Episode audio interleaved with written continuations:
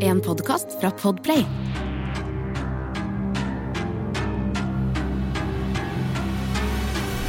Hei dere, og velkommen til Forsyningsfredag podcast. I dagens episode skal vi ta for oss en sak som kan være veldig skremmende og vond og vanskelig å høre for enkelte lyttere.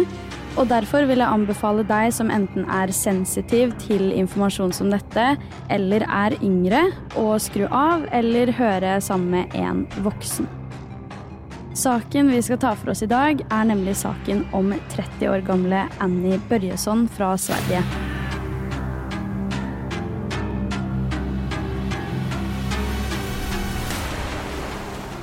desember 2005 blir en ung jente funnet av en turgåer som går tur med hunden sin, død langs Prestwick Beach i Ayrshire i Skottland. Aner ikke åssen uttaler det bynavnet der, men uansett. Dette skulle vise seg å være 30 år gamle Annie Børjesson fra Sverige. For at dere skal forstå saken litt bedre, så er jeg nødt til å ta dere tilbake til begynnelsen. Tilbake i 2003 drar Annie på ferie til Edinburgh i Skottland sammen med en venninne. Og på tidspunktet så leier hun også en leilighet i eh, Södertälje i Sverige. Men når hun er på ferie, så forelsker hun seg totalt i både Edinburgh og Skottland, og finner ut at her har hun lyst til å studere. Da ender hun opp med å studere engelsk i Edinburgh i et halvt år, før hun flytter tilbake igjen til foreldrene sine i Sverige, sier opp leiligheten og begynner å spare før hun skal flytte tilbake igjen til Skottland.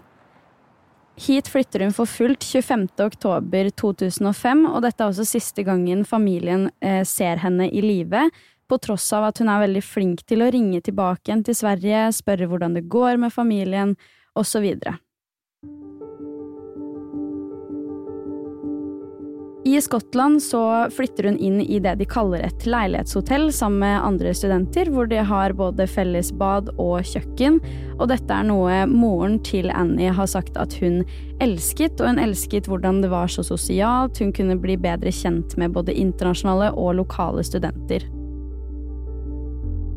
Moren til Annie beskriver hun som en sunn, ung kvinne som ikke tar noen form for dop. Hun er også veldig forsiktig med alkohol.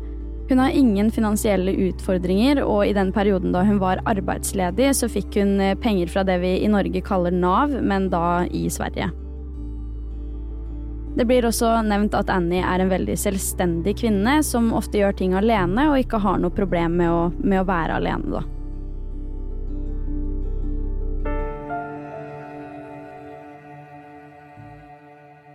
Dette er sånn moren til Annie har beskrevet datteren sin på nettstedet hun oppretta for saken. Annie var en nydelig ung kvinne, 30 år og 173 cm høy. Hun hadde blå øyne, midjelangt blondt og veldig tykt hår. Hun var sunn og velbygd, og også en veldig god svømmer. Som person var hun veldig glad og livlig, åpen og nysgjerrig på hva livet hadde å by på. Hun var også snill og omtenksom. Hun hadde lett for å både le og gråte, og kunne også si ifra og stå opp for meningene sine om det var nødvendig.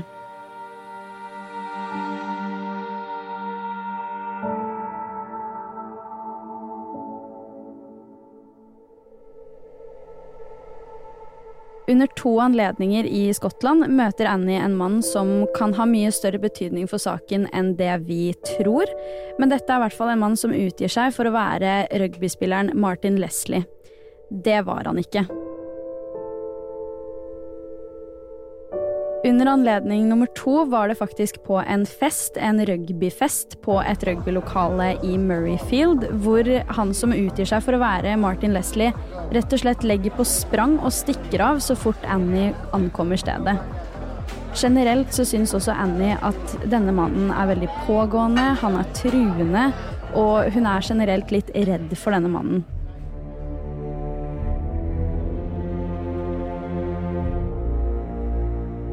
Fra november 2005 endrer oppførselen til Annie seg gradvis. Familien begynner å bli mer og mer bekymra, og får nå beskjed av Annie at de må slutte å ringe hennes private nummer, ettersom at det er noen som kan høre hva som blir sagt.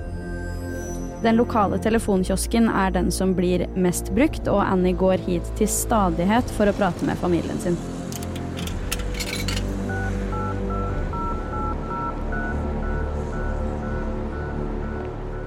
I dagene før Annie døde, har hun faktisk da også forskuddsbetalt husleia og også kjøpt et svømmekort som gjorde at hun kunne dra på svømming i den lokale svømmehallen.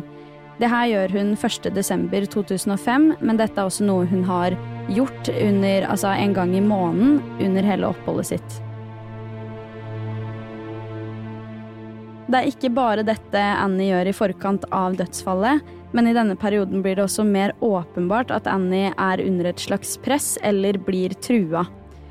Moren til Annie ringer henne også da 2. desember, og da sitter Annie og prater med en kollega, før hun sier til moren sin at dette er noe hun må respektere, dette vil Annie løse selv. Dette blir også Annie og moren sin siste telefonsamtale.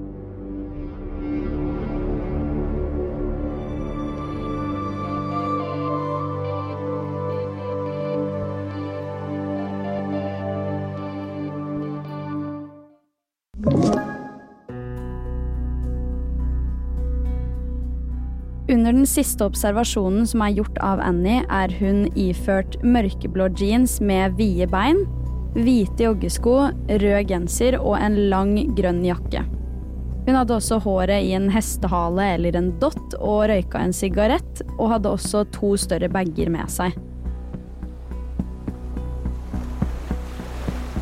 4.12.2005 er dagen Annie blir funnet død og skamklippet langs Prestwick Beach i Skottland. Dette er bare et par hundre meter fra flyplassen hun pleier å fly fra når hun skal hjem til Sverige igjen.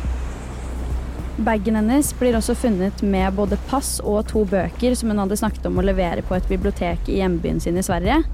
Er det dit hun var på vei? Da Annie ble funnet, hadde hun på seg jeans, genser og sko, men ikke jakka si. Både jakka og bagene ble funnet rett ved siden av Annie, til tross for at de har ulik vekt. Ulike objekter i ulik vekt vil jo også flyte i forskjellig hastighet i forskjellige retninger, men det gjorde ikke disse. Har hun da blitt drept et annet sted og deretter dumpa i vannkanten?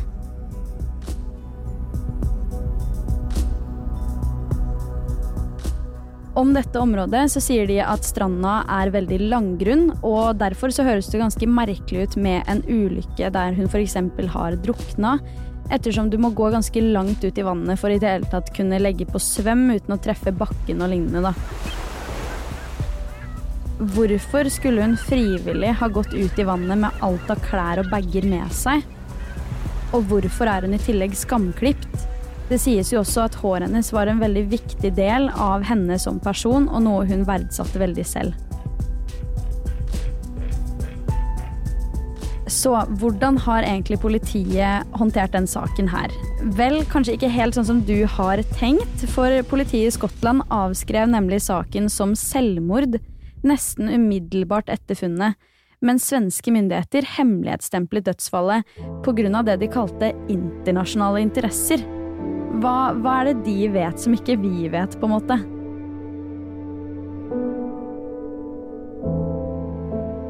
Familien selv mener at Annie ble drept, og ønsker at saken skal etterforskes på nytt.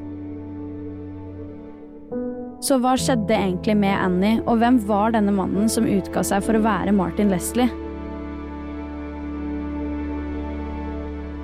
Hvorfor var Annie truet, og hvorfor har ikke politiet etterforska saken videre? Dette er ting vi kanskje aldri vil finne ut av.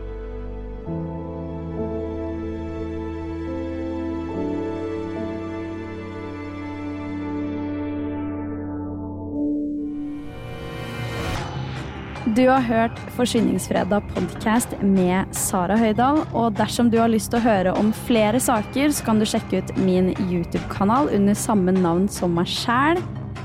Uansett så vil det komme en helt ny podkast-episode allerede neste uke. Og i mellomtiden, ta vare på dere selv.